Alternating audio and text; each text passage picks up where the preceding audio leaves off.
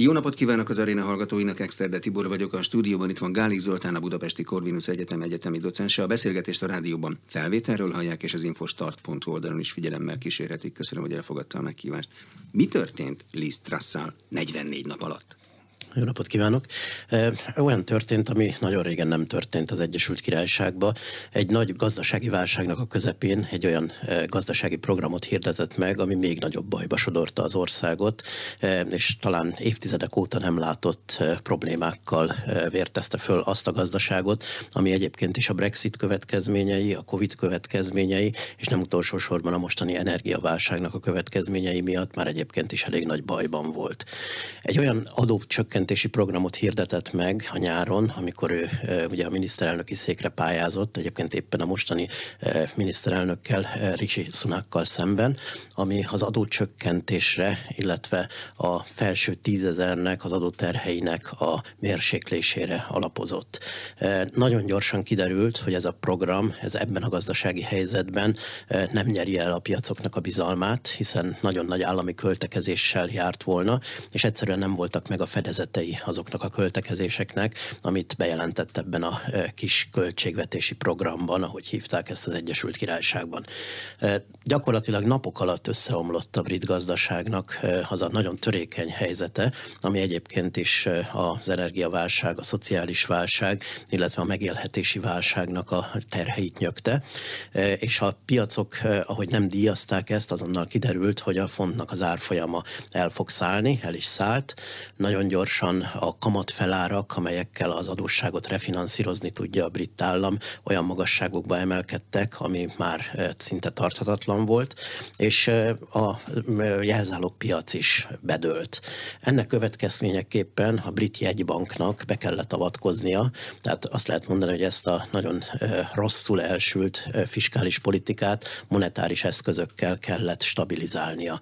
Hihetetlen mennyiségű összeget, 65 milliárd fontot öntött költött néhány nap alatt a jegybank a gazdaságra, hogy stabilizálja a fontnak az árfolyamát, azért, hogy egyáltalán a piacnak a bizalmát visszaszerezze, és ez a program ez még továbbra is folytatódni fog. Hát ebben a helyzetben, amikor az embereknek megnőttek a kiadásaik, egyébként is a gazdasági helyzet miatt, ugye az energia számlákra óriási összegeket költenek ott is, még a, költség, még a kölcsönvevésnek a, a költségei is megnőnek, ugye a, a különböző jelzálók hiteleknek a költségei, akkor ez tarthatatlannak bizonyult, és nagyon gyorsan egy új pénzügyminiszternek kellett helyre tenni ezeket az ígéreteket.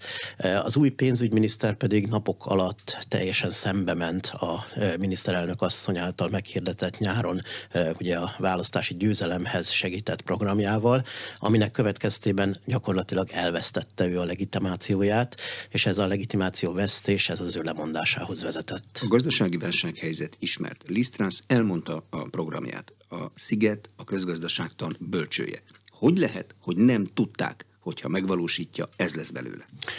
Ugye a választás az nagyon sajátságos volt, hiszen Boris Johnsonnak a lemondásával a konzervatív pártnak lehetősége volt arra, hogy saját maga válassza ki a következő vezetőt. Eh, ha emlékszünk rá, nyáron volt egy három hónapos eh, körülbelül eh, a, a júniustól augusztus végéig tartó időszak, amikor programot lehetett hirdetni. Ez a program hirdetés ez csak a konzervatív pártnak szólt, hiszen Liz Truss végül is a konzervatív pártnak a tagsága választotta meg, ugye körülbelül körülbelül 160 ezer embernek körülbelül a fele egy kicsivel több szavazott rá. Ez azt jelenti, hogy olyan 80 ezer ember hitte el azt, amit ő mondott. Tehát itt nem a szakma, nem az emberek, nem a nép szavazott erről, hanem a konzervatív pártnak egy része hitt abban, amit ő meghirdetett. De a konzervatív párt ennyit konyít a közgazdaságtanhoz, legalábbis az a része, amelyik Lisztrász támogatta? Ez egy érdekes kérdés, ugyanis ugye nem volt teljesen új minden eleme, sőt, hát mondjuk azt egyáltalán nem volt új a sok eleme a, a, a, ennek a politikának, hiszen ő egy klasszikus Margaret Thatcher gazdaságpolitikájának a bizonyos elemeit tartalmazó programot hirdetett meg. Ugye Thatcher volt az, aki a kisállam koncepciójával, a adócsökkentés, erőteljes adócsökkentéssel, a szociális kiadásoknak a visszafogásával, és egyáltalán az állam szerepvállalásának a, a, a kisebbítésével a 80-as években modernizálta a brit gazdaságot. Az sem volt egy teljes sikertörténet, több fázisa van ennek, de végül is ugye ez eredményre vezetett. Most ebben a gazdasági helyzetben próbálta ezt a receptet alkalmazni az új miniszterelnök asszony. Nagyon sokan egyébként Thatcher tanácsadóiból a háttérben igazgatták ezt a programot, de ez a program egy ilyen válsághelyzetben, ami mondjuk azt, hogy destabilizációt, makroökonomiai instabilitást hozott már az országnak, tovább ezt a programot nem lehetett folytatni, vagy nem lehetett ráültetni erre a válságra. Lemondották, Liz Truss belátta, hogy nem megy, és lemondott. Hogy megy ez a gyakorlatban? Boris Johnsonnak, mint hogyha a nyakára jártak volna naponta.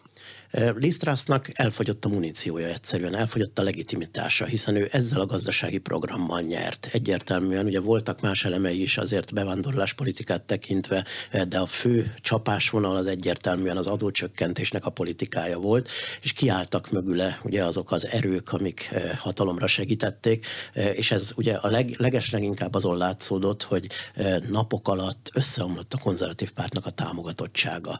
Ahogy az emberek érezték, hogy többet kell fizetniük, ahogy az emberek érezték, hogy a kormány nem tudja a saját politikáját érvényre juttatni, megbicsaklott gyakorlatilag napok alatt a, bizalom a konzervatív kormányban.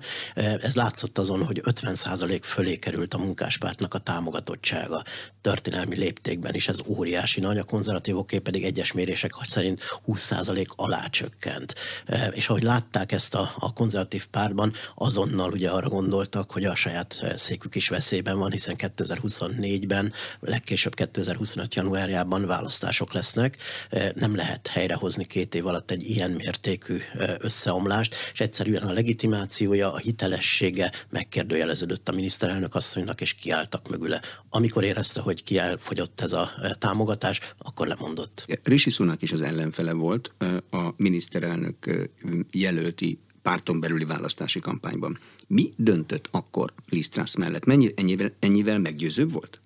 Meggyőző volt a konzervatívoknak. Ugye, ha ezt közgazdaságilag nézzük, akkor egy nagyon nagy válságnak a kellős közepén vagyunk. Ugye egy olyan gazdasági válságnak, ami akár a 1929-30-as nagy gazdasági válsághoz hasonlítható, vagy akár a 70-es éveknek a, a közgazdasági eszközeit igénylő válsághoz, ami nagy állami beavatkozást, erőteljes szociális programokat, vagy különböző segítségnyújtást igényel részben a lakosságnak, részben a vállalati szektor akarnak. Ugye ezért a konzervatív párt nem erről híres, hogy ilyen nagy állami beavatkozásokat, illetve az nagy államnak a koncepcióját támogatná, és sokkal hitelesebbnek látszott egy a kínálat oldali közgazdaságnak az eszközeit felvonultató gazdasági politi- gazdaságpolitika. Egyébként ugye Rishi Sunaknak abban igaza volt akkor, hogy elmondta, hogy ha az a program valósul meg, amit a miniszterelnök asszony tervez, akkor néhány lépésen keresztül, egy, kettő, három, négy, a piacok azok nem fognak hinni neki, és az fog bekövetkezni, ami egyébként bekövetkezett. Úgyhogy hát azt lehet mondani, hogy egy olyan tapasztalatlanság is volt, és egy olyan hit, ami nem bizonyult megvalósíthatónak. De ez Lisztrász tapasztalatlansága volt, és a benne való hit megalapozatlansága? E, egyértelműen itt egy közgazdasági és gazdaságpolitikai hiba történt. Ennek a kár okozása nagyon nagy volt, és ezt a kártalanítást próbálják most mind gazdaságilag, mind politikailag helyre tenni. Az, hogy a brit politikában ilyen gyorsan mennek a dolgok, hogyha a miniszterelnök látja, hogy nincs támogatottsága, akkor kiszáll. Ez a politika komolyságát erősíti, hiszen van következménye mindennek, vagy épp ellenkezőleg a komolytalanságát, mert hát egy politikusnak azért csak kéne előre látnia legalább egy-két hónapot. Hát megint, hogy egy kicsit hátrább lépünk, ugye az látszik, hogy valami nagyon nem ö, ö, működik a brit politikai életben, hiszen 2010 óta már öt ö, miniszterelnök volt a konzervatív pártban, csak ebben az évben ugye három miniszterelnök, ö, két gazdasági miniszter, pénzügyminiszter, ö, a belügyminiszter folyamatosan változik, tehát ilyen ö, hihetetlen mozgás talán a ö, második világháború környékén volt csak, amikor ugye a, a háború miatt egységkormány alakult, és akkor volt ennyi miniszterelnök, de azóta nem. Tehát látszik, és ez az egész folyamat, ez ugye a Brexit környékén indult meg, hiszen emlékszünk rá, hogy 2016-tól 2020-ig, amíg Boris Johnson egyébként eh, nem stabilizálta a Brexit körüli eh, problémákat és a konzervatív pártot, eh, akkor alakult ki ez a helyzet. Tehát ez valahova oda is visszavezethető, de egyértelmű, hogy itt valami nagyfokú gazdasági kompetencia probléma is van. Érdekes egyébként, hogy a 90-es évek elején, amikor John Majornek a kormánya volt hatalmon, és akkor 2000, bocsánat, 1992. szeptemberében ki kellett lépni az európai árfolyam mechanizmusból, akkor is egy hasonló dolog játszódott le. A konzervatív kormánynak és a konzervatív pártnak a gazdasághoz való kompetenciája kérdőjeleződött meg a választókban. Ezt akarták most elkerülni, hiszen megtörtént a probléma, de hogy lehet ezt helyrehozni két év alatt a választásokig? Ugye ez volt a fő célja a konzervatív pártnak Rishi Sunak megválasztásával. A brit politikában az egyáltalán nincs benne, hogy egy megválasztott miniszterelnök addig ragaszkodik a székéhez mindenféle mechanizmusokkal, bizalmi szavazással, stb. trükkökkel akár, ameddig csak bír. Úgy tűnik, hogy Liz Truss ez pillanatok alatt azt mondta, hogy ah, nem, akkor nem. Ugye látjuk, Boris Johnson esetében ez így történt, hiszen recseget ropogott körülötte már az egész politikai helyzet, egyre újabb és újabb botrányok voltak, de görcsösen ragaszkodott a hatalomhoz. Liz Trussnál elfogyott egyszerűen a hátország. Ahhoz, hogy egy ilyen programot átültessünk a valóságba, vagy átültessenek a valóságba, ahhoz számtalan törvényt kell hozni, rendeleti szabályozásokat kell módosítani, és egyszerűen a konzervatív párt azt mondta, hogy nem áll be mögé a program mögé. Tehát szinte napokon belül vagy heteken belül kiderült volna, hogy nem sikerült ezt a programot a parlamenten végigvinni, és egyszerűen nem maradt muníciója. Liz megválasztásában még annak idején a Boris Johnsonnal szembeni konzervatív párti ellenszem az mennyire volt benne? Szóval mennyire volt benne az, hogy bárki, csak ne Boris Johnson? A mostani helyzetben, a mostani helyzetben ugye Boris Johnson jelezte, hogy vissza szeretne térni, ugye el is indult ehhez a, ezen a, a, választási folyamaton, de nagyon gyorsan ki is jött ebből a, a helyzetből, és inkább visszalépett az új miniszterelnök részére. Ugye gyakorlatilag Johnson ugyanazt hozta volna vissza, mint amivel távozott hat héttel ezelőtt. Egy megosztott konzervatív pártot, nagyon sokan jelezték, hogyha visszatérne a hatalomba, akkor még a e, konzervatív képviselői e, pozíciójukat is feláldoznák. E, ne felejtsük el, hogy körülbelül hát 60 államtitkári, illetve miniszteri pozícióban lévő ember adta vissza akkor a bizalmat, hiszen nem akarták, hogy Boris Johnson legyen a miniszterelnök, illetve a háttérországból is nagyon sok olyan képviselő volt, aki azt mondta, hogy semmiképpen sem szavazna ugye a miniszterelnöknek bizalmat egy szavazásnál, mert hogy nem látják a konzervatív pártnak a jövőjét Boris Johnsonba. Úgyhogy ő ezt órákon belül, ahogy visszatért, felfogta, és azt mondta, hogy visszalépett a jelöltségtől. Ez egy végleges megértés Boris Johnson szempont, szemszögéből vajon? Hát úgy néz ki, hogy ugye, ahogy ő fogalmazott, mert mindig egy kicsit úgy kettős szavakkal vagy kifejezésekkel játszik, ő azt mondta, hogy ez nem az az alkalom, hogy vissza kellene térnie a politikai életbe. És lehet, hogy van még egy másik alkalom. Hát lehet, hogy van még egy másik alkalom, de ugye ez inkább egy hosszú kifutás lenne, hiszen a választások, ahogy mondtam, 2024-ben lennének, vagy 25 elején, és akkor hát a jelenállás szerint ugye sokkal esélyesebb a munkáspárt. Az uralkodóváltással egy időben zajlott a kormány kormányváltás is Nagy-Britanniában. Az uralkodónak, harmadik Károlynak ez ad valamilyen különleges szerepet, az ő pozícióját, ez a turbulens időszak, ez bármiben befolyásolja?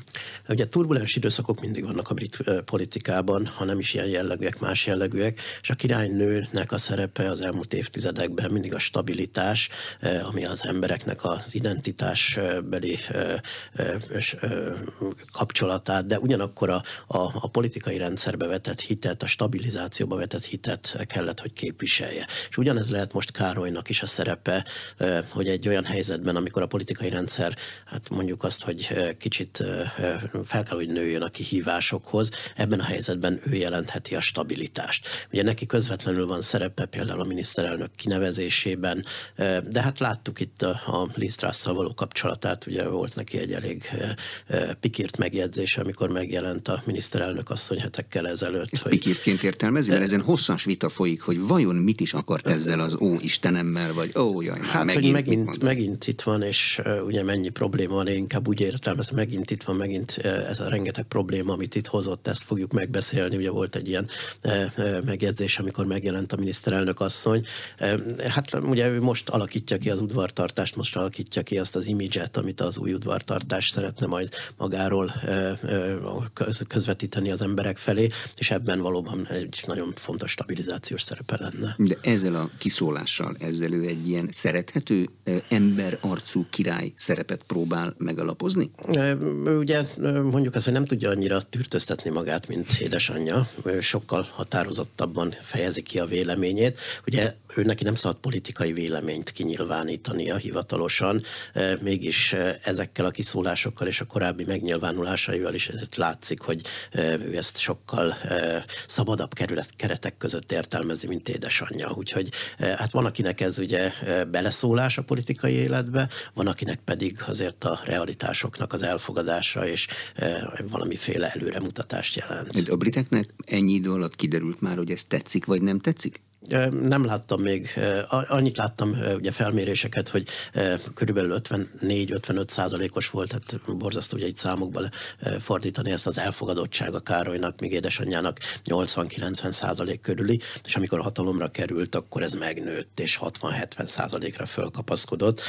Ugye ő egyébként például nagyon aktív klímapolitika támogató, ugye a, a, a különböző környezetvédelmi alapokon keresztül. Ő jelezte például, hogy el akar menni Egyiptomba most, ahol lesz egy eh, éghajlatkonferencia, és ott a kormány mondta, hogy nem mehet el. De hát ez is ugye egy nagyon jelképes dolog volt, hogy ő aktív szerepet akart vállalni egy olyanon, ahol nem biztos, hogy kell, és itt visszafogta a kormány.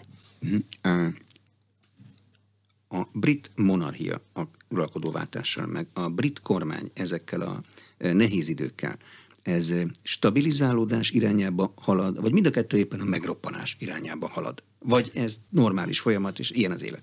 Nem, egyáltalán nem normális. Ugye azt látjuk, hogy három nagy problémája van most az új miniszterelnöknek. Egyrészt stabilizálnia kell a gazdaságot, ez a leggyorsabb, ugye bizalmat kell szavazni a gazdaságnak, és középtávon is nem sokára ugye áttették most a jövő hétről november közepére egy középtávú gazdasági tervet kell tenni, ami elmondja, hogy hogy tud a gazdaság fejlődni, tehát ez a legfontosabb. Kettes probléma ugye a konzervatív pártnak a, az összefogása, illetve a választási győzelemre való vitel. A harmadik probléma pedig az ország egységének a megőrzése, hiszen e, Skóciában népszavazást szeretnének tartani, éppen tegnap omlott, illetve hát nem is tegnap, hanem ma fog összeomlani valószínűleg az északír e, parlamenti rendszer, hiszen nem lehetett e, kormányzati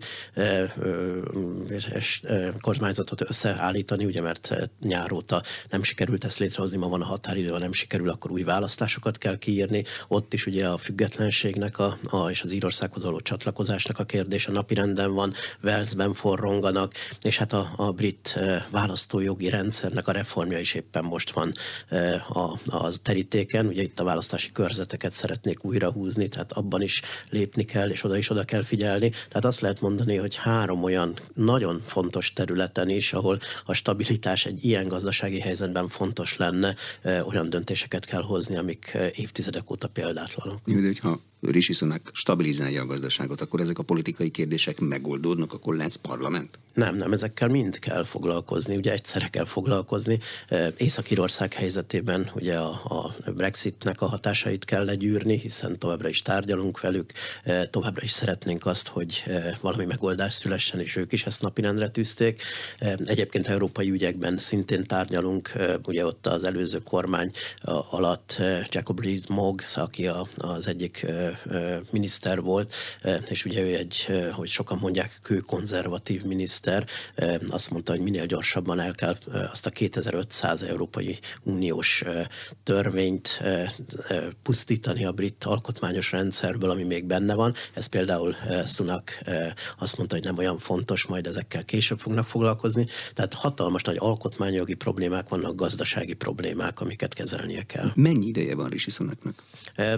Hát nem sok. Ugye az biztos, hogy az, hogy a gazdaságot stabilizálja és egy pozitív üzenetet küldjön, ez napok vagy heteknek a, a, a következménye lesz, hiszen e, a, a piacok a kamatszínvonalnak az elemésével a, a, az úgynevezett kamat felár, tehát amit a kormánynak fizetnie kell, rögtön üzenni fognak, ezt látni lehet. Ha ebben a helyzetben tovább nő a megélhetési probléma, az emberek továbbra sem hisznek a konzervatív pártnak, akkor nagyon gyorsan akár általános választásokat is kiírhatnak, hogyha egyszerűen érzik, hogy olyan történelmi veleségbe futnának bele, ami akár évtizedekre a munkáspártot hozná a helyzetbe. Mi csinál ilyenkor a munkáspárt? Hátradől? Kér egy kávét? A munkáspárt készül a kormányzati szerepvállalásra. Árnyék kormány árnyék kormány ugye van az Egyesült Királyságban, ugye egy nagyon sajátos a politikai rendszer, hiszen minden fontos pozíciónak megvan a saját árnyék minisztere, és ez nem csak egy kijelentem magamról, hogy miniszter vagyok szerű dolog, hanem ott az alkotmányos rendszerben megmondják, hogy milyen információkat kell eljuttatni például az árnyék minisztereknek, és szinte azonnal képesek a kormányváltásra egyik napról a másikra, éppen azért, mert birtokában vannak ezeknek az információknak. Tehát visszatérve a kérdésre, ugye a, kormányzati szerep vállalásnak a, a kérdése fölmerült már, amikor Johnson kormány eh, elkezdett összeomlani. Eh, volt egy konferenciája nemrég a munkáspártnak, még választási programja nincsen, de már körvonalazódik egy nagyon erőteljes állami beavatkozást, privatizáció ellenességet és államosítást, eh, és abszolút az árszabályozásra fókuszáló közgazdasági program. Ha úgy adódik, ugye, hogy lesz választás, akkor az körülbelül egy hónapot jelent legalább, legalább, amiben mindegyik párt meghirdetni a saját gazdasági programját, és ezek a, a, a korábban már megfogalmazott alapelvek, ezek átültethetők majd, és várhatóan ott meg fognak jelenni majd. Mhm. Az árnyék kormány miniszterelnöke az kicsoda? Hát Kate Starmer, ugye, aki a, a munkáspártnak a, a, a, a legfontosabb tisztségviselője, ugye elnöke, ő az, aki átvette ugye egy nagyon erőteljesen baloldalra forduló munkáspártól a, a hatalmat, és megpróbálja egy mondjuk azt ugye ne, teljesen nem középre, de inkább bal középre kormányozni a munkáspártot. Ugye ez nem egy olyan típusú munkáspárt akar lenni az ő elképzelése szerint, mint amit Tony Blair 1997-ben a harmadik útnak a politikájával hirdetett meg, egy sokkal inkább ugye a szociáldemokrácia és a globalizáció kihívásaira eh, korszerű válaszokat adó eh, munkáspárt, eh, de az sem, ami korábban volt, ugye most az elmúlt évtizedben, ami egy nagyon erőteljes teljes kicsit visszatérés a 1980-as évek munkáspártjához, a szakszervezetek megerősítésével, illetve a, a teljes államosítással.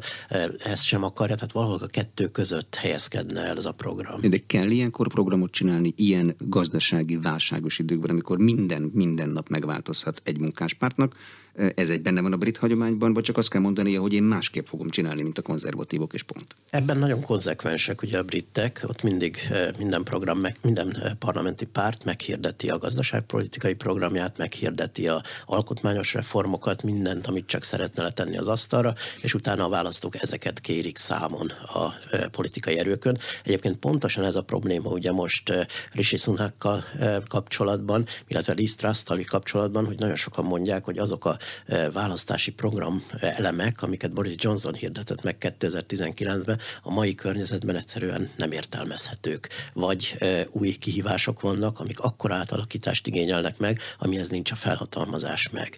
Úgyhogy nagyon sokan mondják, ezért kell elsősorban választást tartani, tessék új programot hirdetni, akár a konzervatív pártnak, és ha hiszünk benne, akkor az új miniszterelnököt megerősítjük. Rishi Sunak miniszterelnöknek mi a programja? Az, amit a miniszterelnök jelölti vitában elmondott még Lisztrásszal szemben, vagy most már van egy új? Ő visszalépett ehhez a programhoz, tehát egyértelműen azt a programot szeretné erősíteni, amiben a brit gazdaságnak a stabilitását szeretnék elérni, és el szeretnék kerülni a recessziót. Ugye ez a két legfontosabb elem. A stabilitás az azt jelenti, hogy a makroökonomiai helyzetet stabilizálja. Ugye nagyon nagy az infláció az Egyesült Királyságban, nagyon nagy a költségvetési hiány, ugye a Covid következtében 10% fölé emelkedett, de még mindig bőven 3% fölött van. E, az államadóság az egyértelműen a 100 a GDP-hez viszonyított 100 os e, tartományban van, ami nagyon sok ugye a fejlett gazdaságoknál. Ez azt jelenti, hogy a refinanszírozás az mindig nagyon nagy pénzeket fog igénybe venni, és a kormánynak a fiskális politikára kevesebb pénze maradna, már pedig ebben a helyzetben ugye szükség van a pénzre. E, a kérdés az, hogy honnan szerezik ezt meg. Ez a pénz pedig ugye vagy az adóknak az emeléséből jön, hogy azt mondtuk, ugye a konzervatív pártnak nem e, éppen a szokása az adóknak az emelése, de ez most elképzelhető, e, vagy pedig e, külső finanszírozással, ami viszont tovább rontaná ezt a nagyon rossz helyzetet. Úgyhogy a stabilizációt azt mindenképpen nagyon gyorsan meg kell valósítani. Ha hisznek a piacok, akkor mérséklődik a kamatfelár, és akkor el lehet kezdeni gondolkodni azon, hogy hosszú távon majd az adókat esetleg újra lehet csökkenteni csökkenteni, de jelenleg ugye ez a program, ami nyáron meghirdetésre került, ez van most napi renden. Mi az infláció elleni receptje Szunaknak? Az infláció ellen ugye klasszikus eszközökkel próbált fellépni az Egyesült Királyság. A probléma az, hogy ugye az inflációnak a letörése az több tényezőből áll ebben a helyzetben, hiszen az energiaárak elmentek nagyon-nagyon. Ugye itt egy sapkát próbálnak rátenni a fogyasztásra, illetve az árakra.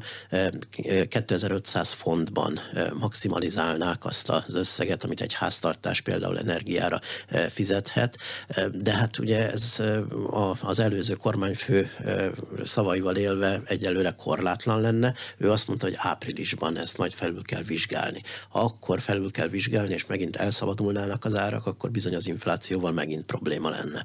A másik probléma ugye a, a mezőgazdasági termékeknek, az élelmiszereknek, az alapanyagoknak az ára, ami szintén nagyon csúnyán elment az elmúlt fél évben. Ugye itt tudjuk hasonló problémákkal küzdködünk mi is, hiszen a szárasság ott is jelen volt, éghajlatváltozásnak a következményei, az ukrajnai helyzet, ugye a gabonapiacon, illetve az összes olyan probléma, ami a, az afrikai országokban jelentkezik, és nehezebben érkeznek az áruk arról a területről is. Tehát egy csomó olyan probléma, amire nincs hatással, közvetlen hatással. Úgyhogy nagyon nehéz ez a, ez a gazdaságpolitika, amit most ki kell találni. Az elkövetkezendő két hétben látjuk majd ennek a pontos elemeit. Fizetések visszafogásán gondolkodnak meg. Hát a sok fizetést adnak az embereknek, az fölforja az inflációt. Hogyne, ugye ez a versenyképességet is javítana egyébként, ugye ezt a németek csinálták 2002-2003-ban az úgynevezett harc reformoknál, amikor egy olyan gazdaságfejlődési pályát sikerült megtalálniuk, amiben a béreknek a mesterséges mérséklésével vagy lenyomásával versenyképesebbé tették Németországot.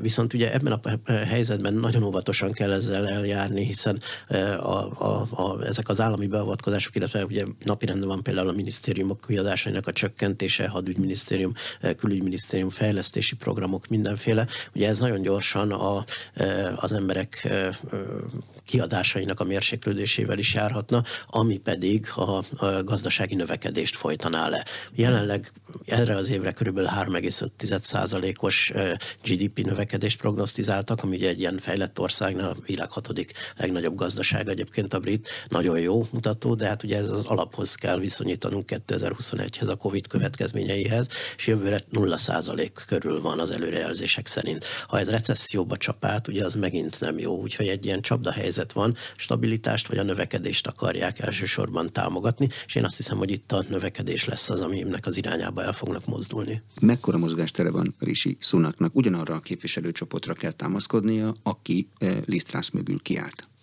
Ugye, hát nem csak mögül, saját mögül, ugye ő is annak a kormánynak volt a tagja, Boris Johnson kormányának, aki, aki pénzügyminiszterként alkalmazta őt, és hát mondhatni azt, hogy az a gazdasági helyzet, ami most előállt, az részben az ő pénzügyminiszteri tevékenységének is az eredménye.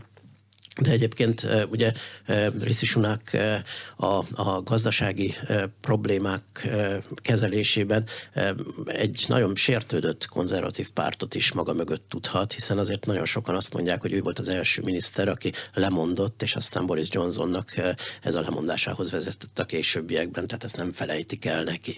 Ugyanakkor mondjuk azt, hogy inkább az utolsó mencsvártként látták most őt, hiszen a konzervatív párt megosztottsága, az egysége, e, és e, mindazok a problémák, amiket a konzervatív párt az elmúlt évtizedekben maga, maga mögött tudhatott, és Boris Johnson ugye megerősítette az egységet, azok újra előjöttek. Tehát ő volt az utolsó mencsvár, e, és még mindig ő, úgyhogy ha ő nincs most, akkor biztos, hogy választások lennének, biztos, hogy a munkáspárt kerülne hatalomra. Kicsoda Rishi Sunak? Azt látjuk, hogy rendkívül gazdag indiai származású, hindu vallású amerikai állampolgársággal is rendelkező brit politikus.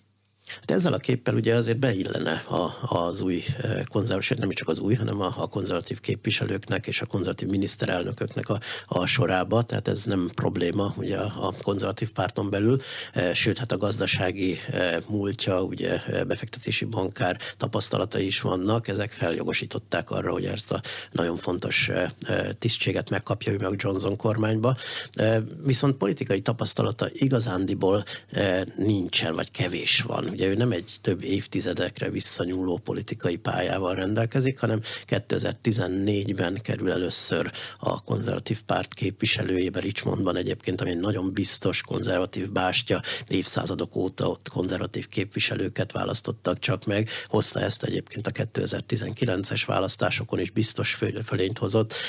Tehát azt lehet mondani, hogy viszonylag újként került be a konzervatív pártnak a, a köreibe, egy olyan stabil környezetben, ami különösebben nem kellett, hogy őt megerőltesse abban, hogy pozícióba kerüljön, és hát a, a, a legmagasabb állami pozícióban, pénzügyminiszteri pozícióban is két évet volt.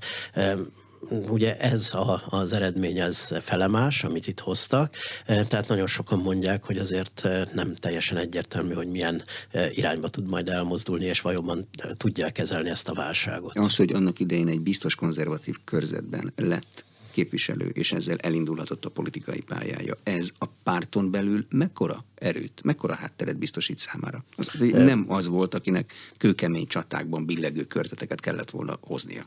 Ugye a pártban azt kell nézni, az, hogy milyen a konzervatív párt. Ugye a konzervatív párt, ami hát soha nem volt egységes, de talán 2014 után még jobban megoszlott, és még inkább fragmentált lett.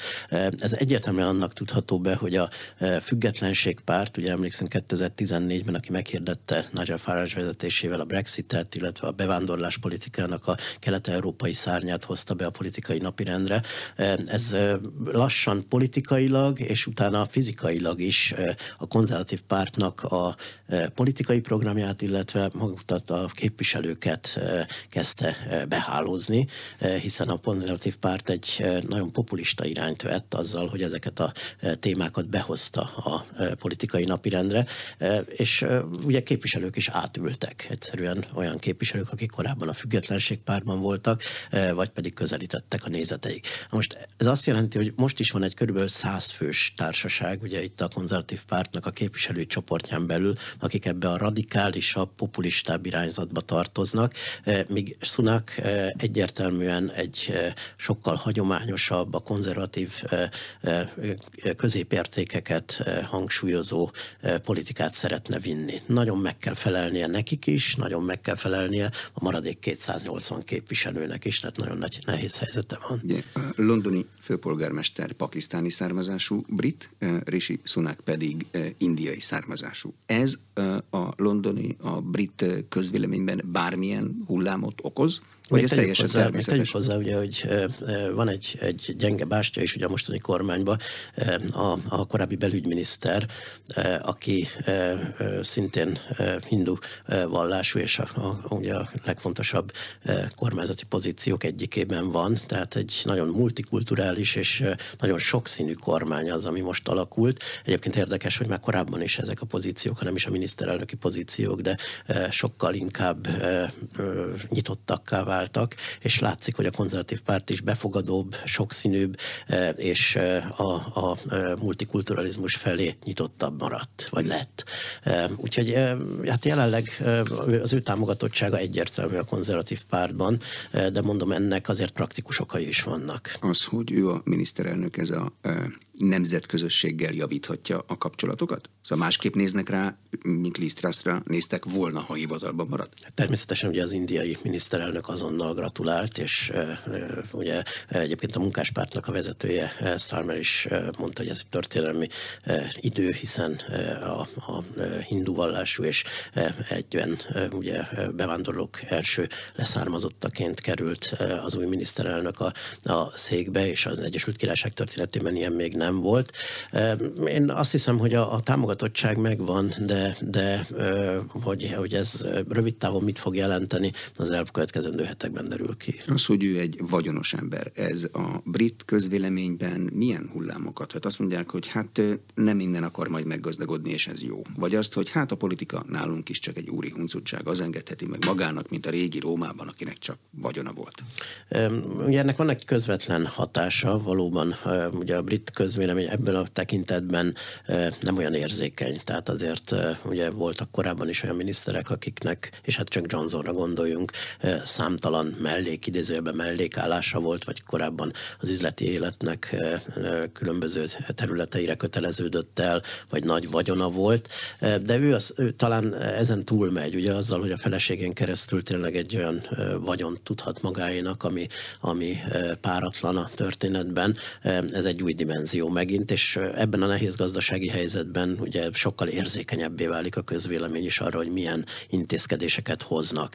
De úgy néz ki, hogy ezeket a szimbolikus intézkedéseket ő meg is érti, hogy nem kell most meghozni. Ugye az előző miniszterelnök asszony Liz Truss például a legfelsőbb adókulcsot próbálta meg mérsékelni, vagy a bankároknak a fizetési korlátját törölte el. Ugye ezek több olyan kérdések, amik nagyon kellenek egyébként, mert például a, fizetési korlátnak az eltörlése az azért volt, mert a bankárok elkezdtek az Európai Uniónak a különböző bankjaihoz menni, hiszen ott megkapják azt a fizetést, és valahogy vissza kellett a versenyképességét szerezni, és az embereket a gazdaságnak, de ebben a gazdasági helyzetben ez egy rossz politikai döntés. És ezeket úgy néz ki, hogy ezért érzékenyen felfogta az új miniszterelnök, és visszacsinálta ezeket. Ha visszacsinálja, akkor a bankárok át fognak menni az Európai Unió területére. Nem lesznek jó bankárok, romlik a versenyképesség. Igen, ez, ez valóban így van. Ez valóban így van, de lehet, hogy egy ilyen helyzetben, amikor uh, ugye milliók szegényednek el, uh, és uh, a napi kiadásaikkal van probléma, és más típusú programokat kell csinálni, akkor lehet, hogy ezt talán félre lehet tenni, és másod helyre prioritizálni.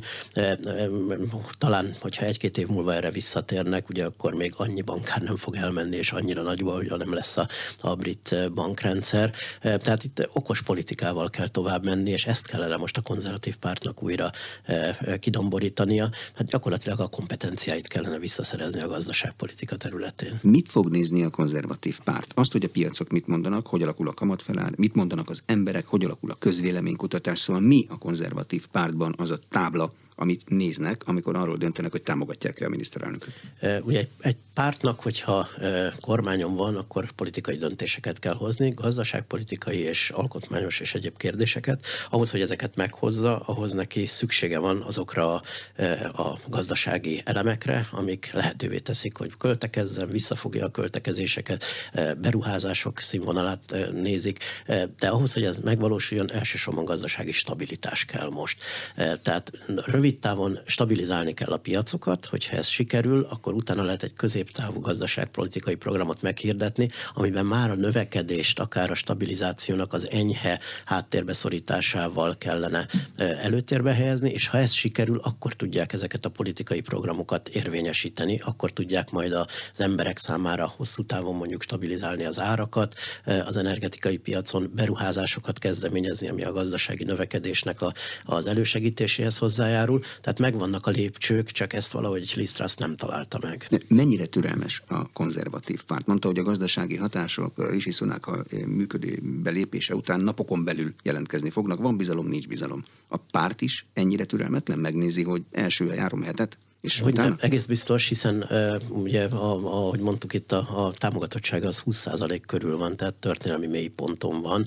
Ha látszik az, hogy sikerül stabilizálni, ha látszik az, hogy megfelelő programokat lehet elindítani, akkor be fog állni a kormányfő mögé, és hozzák azokat a törvényeket, amik szükségesek majd ehhez a hosszú távú stabilizációhoz. Ha ez nem történik meg, akkor ugye azt fogják mondani, hogy szinte lehetetlen a, a gazdaságot rendbe tenni itt két év alatt. A piacok még inkább büntetni fogják a, a, a konzervatív pártot is, és akkor lehet, hogy választásokat fognak kiírni. Milyen ebben a helyzetben a munkáspárt kommunikációja? Üti a kormányt mindennel, ami a keze ügyében van, vagy azt mondja, hogy hát ez egy válsághelyzet, oldják meg? És majd utána jövünk mi. Hát egyelőre üti a kormányt, ahol csak tudja. Ugye, hát ezt lehetett is csinálni, ugye ez nagy magas labdák voltak feladva az elmúlt időszakban. Az új politikai szerepvállalás tekintetében pedig arra kell figyelni, hogy, hogy milyen területeket fog megcélozni a kormány. Tehát ugye nem újdonság, hát a munkáspárt természetesen nagyon erőteljes baloldali programmal, nagy állam koncepciójával, a beavatkozásokkal, a szociális programokkal, a központi hely, helyre állításával, és még ugye nem beszéltünk egy nagyon fontos területről, az egészségügyi szolgáltatásoknak a területéről, ahol hát újra kellene gondolni, hiszen az egy évtizedes probléma, ott is egy erőteljes beavatkozással szeretne válaszolni, és hát az embereknek ez megint a mindennapjait érinti. Ugye elszállnak a, a költségek ott is, nem tudnak orvost választani, nem a várólistáknak a, a, a, ideje az növekszik, tehát ő inkább ezeket a politikai kérdéseket próbálja meg megcélozni.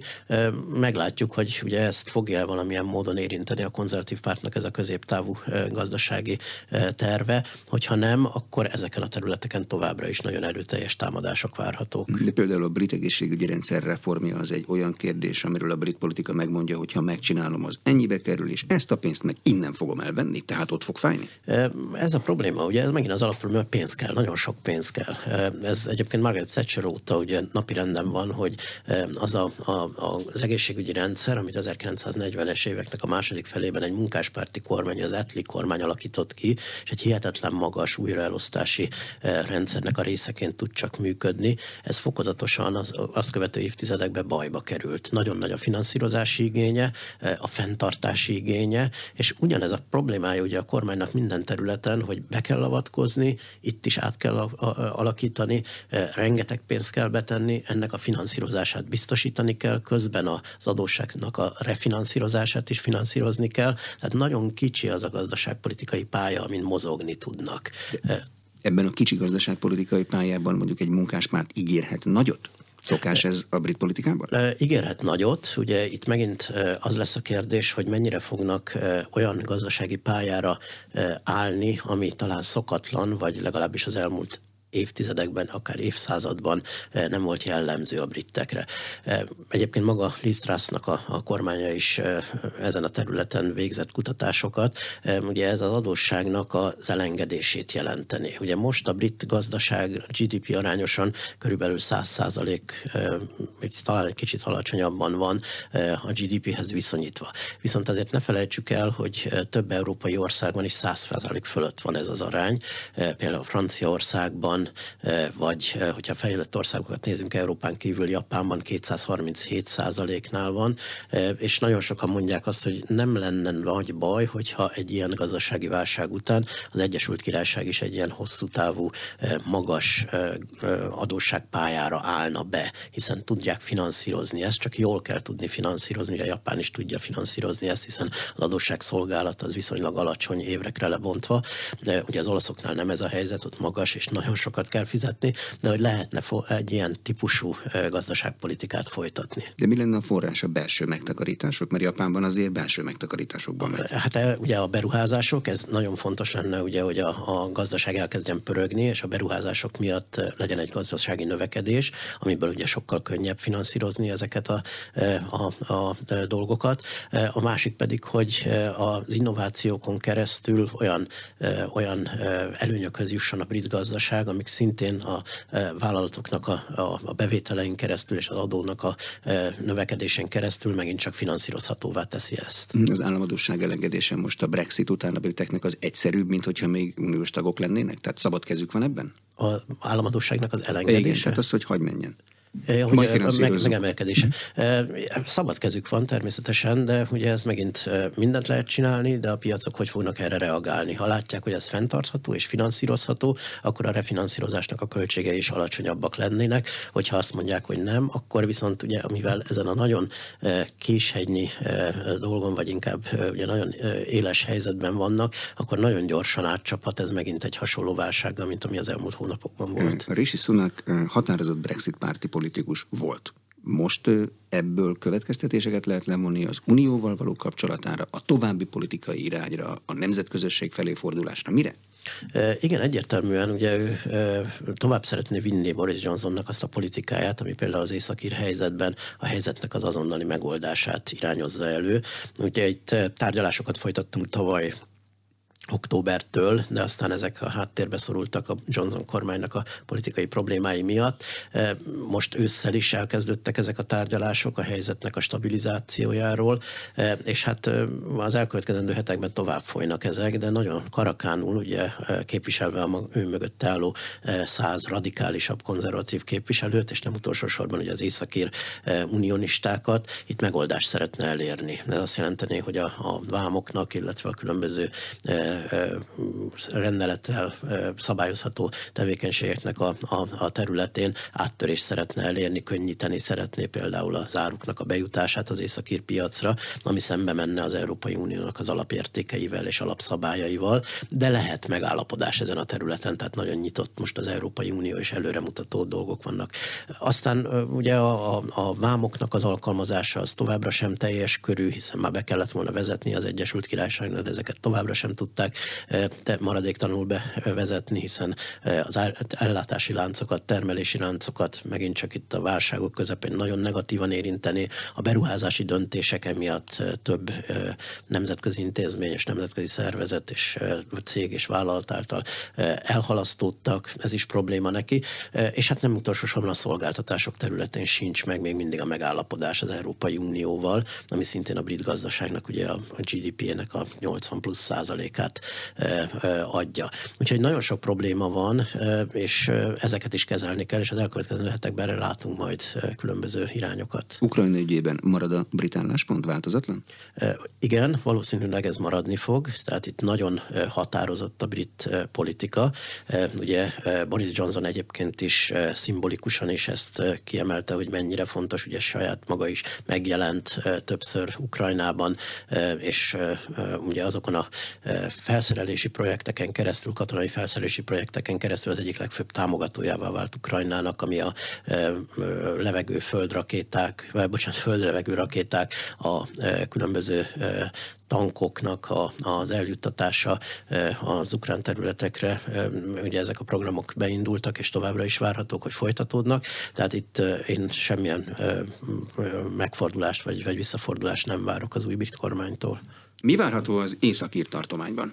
De Északírországban hasonlóan egyébként Skóciához nagyon új helyzet alakult ki az utóbbi időszakban, hiszen folyamatosan napirenden van a függetlenségnek, illetve hát az Írországhoz való csatlakozásnak a kérdése, de egy olyan változás történt, amire nagyon régóta vártunk már, hiszen látszott, hogy a demográfiai adatok változni fognak, és a legutóbbi népszámláláson ki is derült az, hogy valóban a katolikusok először fölénybe kerültek a protestánsokkal szemben Választások voltak tavaly, ebben először kerültek a katolikusok többségbe a választások során, és ők azok, akik adhatják a Sinfejnek a, a támogatásával a miniszterelnököt. Most Észak-Írországban egy nagyon speciális helyzet alakult ki 1998 után, hiszen az úgynevezett devolúciónak a keretében mindig egy egységkormány adhatja a vezetést az északír területeknek, tehát szükséges az, hogy mind a két párt, a unionisták, illetve a Sinn Féin is beleszálljon ebbe a kormányba, és csak akkor lehet stabilitás. Viszont most ugye voltak a, a választások, és egyértelművé, egyértelművé vált május után, hogy csak akkor hajlandók a kormányt megalakítani, hogyha a Brexit kérdésben és az északi protokollnak a kérdésében nagy arányú változások lesznek, addig az unionisták azt mondták, hogy nem hajlandók beszállni a kormányba, amíg ez meg nem valósul.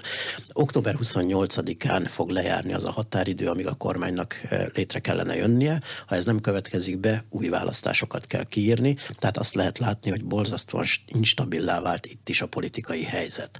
Abban az esetben, hogyha nem lesz kormány, új választások lesznek, és megint csak ugye várhatóan ugyanez az arány fog kialakulni. És nagyon érdekes az északi eh, eh, helyzet, hiszen évtizedekig hozzászoktunk ahhoz, hogy polarizált a politikai rendszer. A unionisták, illetve hát a Sinn között oszlik meg a hatalom. Viszont legutóbb már be türemkedett a politikai térbe egy középpárt, aki nem a Írországhoz való csatlakozás és a britekhez való csatlakozás mentén határozta meg magát, hanem klasszikusabb politikai értékek mentén, és hát úgy néz ki, hogy át is kell gondolni ezt a politikai rendszert, amit itt a 98-as megállapodás hozott, hiszen ők is joggal tarthatnak igényt majd miniszteri pozíciókra és egyéb nagyon fontos állami pozíciókra. De az, hogy, hogy mikor lesz itt elmozdulás, az nem egyértelmű, hiszen nem lehet egyértelműen leképezni az Írországhoz való csatlakozásnak az igényét ahhoz, hogy katolikus vagy protestáns kormány van hatalmon, vagy éppen az emberek mit gondolnak erről. Egyelőre 50%-nál kisebb a támogatottsága az Írországhoz való csatlakozásnak. Köszönöm a tájékoztatást. Az elmúlt egy órában Gálik Zoltán, a Budapesti Corvinus Egyetem egyetemi docense volt az Inforádió arénájának vendége. A beszélgetést a rádióban most felvételről hallották, és az infostart.hu oldalon is figyelemmel kísérhetik. A műsor elkészítésében Módos Márton főszerkesztő vett részt. Ha ezt a beszélgetést érdekesnek találták, akkor kérem iratkozzanak fel az Inforádió YouTube csatornájára. Köszönöm a figyelmet, Exterde Tibor vagyok.